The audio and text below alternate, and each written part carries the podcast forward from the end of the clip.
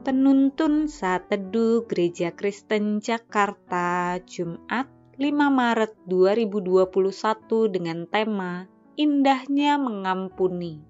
Firman Tuhan terambil dari Kejadian 33 ayat 1 sampai 11 berkata demikian. Yakub pun melayangkan pandangannya, lalu dilihatnya lah Esau datang dengan diiringi oleh 400 orang maka diserahkannya lah sebagian dari anak-anak itu kepada Lea dan sebagian kepada Rahel serta kepada kedua budak perempuannya itu. Ia menempatkan budak-budak perempuan itu beserta anak-anak mereka di muka. Lea beserta anak-anaknya di belakang mereka, dan Rahel beserta Yusuf di belakang sekali. Ia sendiri berjalan di depan mereka dan ia sujud sampai ke tanah tujuh kali hingga ia sampai ke dekat kakaknya itu. Tetapi Esau berlari mendapatkan dia, didekapnya dia, dipeluknya lehernya, dan diciumnya dia. Lalu bertangis-tangisanlah mereka.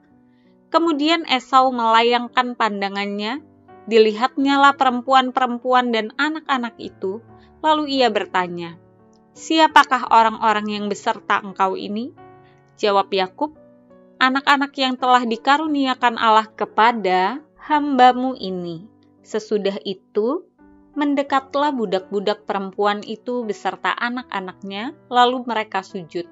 Mendekat jugalah Lea beserta anak-anaknya, dan mereka pun sujud. Kemudian mendekatlah Yusuf beserta Rahel, dan mereka juga sujud. Berkatalah Esau, "Apakah maksudmu dengan seluruh pasukan yang telah bertemu dengan aku tadi?" Jawabnya, untuk mendapat kasih tuanku. Tetapi kata Esau, aku mempunyai banyak adikku, peganglah apa yang ada padamu. Tetapi kata Yakub, janganlah kiranya demikian. Jikalau aku telah mendapat kasihmu, terimalah persembahanku ini dari tanganku, karena memang melihat mukamu adalah bagiku serasa melihat wajah Allah, dan engkau pun berkenan menyambut aku terimalah kiranya pemberian tanda salamku ini yang telah kubawa kepadamu, sebab Allah telah memberi karunia kepadaku, dan aku pun mempunyai segala-galanya. Lalu dibujuknya lah Esau, sehingga diterimanya. Pada waktu Pak Jacob meninggal dunia, saudaranya Pak Esau tidak mau datang, padahal di pemakaman begitu banyak orang yang hadir. Kenapa Pak Esau tidak mau datang? Ternyata Pak Esau masih menyimpan kebencian kepada sang adik. Ia berkata kepada anak-anaknya, "Sampai mati pun saya tidak akan memaafkannya." Apa yang dikatakan ternyata dia buktikan. Berbeda halnya dengan kisah Esau di dalam Alkitab, Esau anak sulung Ishak yang dikisahkan dalam Alkitab suatu ketika sangat marah dan benci kepada Yakub adiknya. Dengan lihai, sang adik telah merebut berkat kesulungan miliknya. Ia mau membunuh adiknya itu. Rencana Esau itu pun tercium.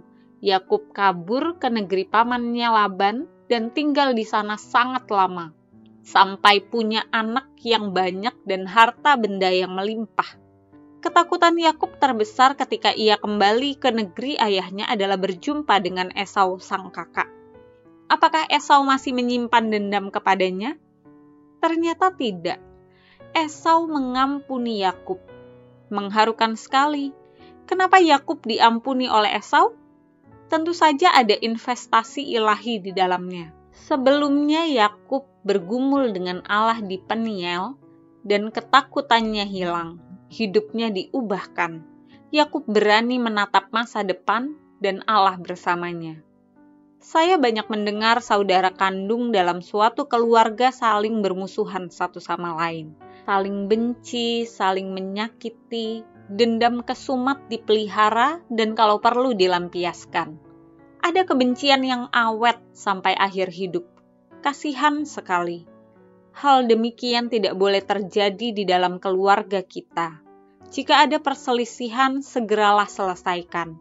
Biasakan dan ajarkan anak-anak bagaimana memaafkan dan bagaimana memohon maaf sejak kecil.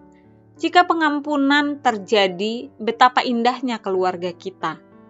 Oleh karena itu, melalui perenungan pada hari ini kita bersama-sama belajar betapa indahnya jika dalam keluarga ada saling mengampuni.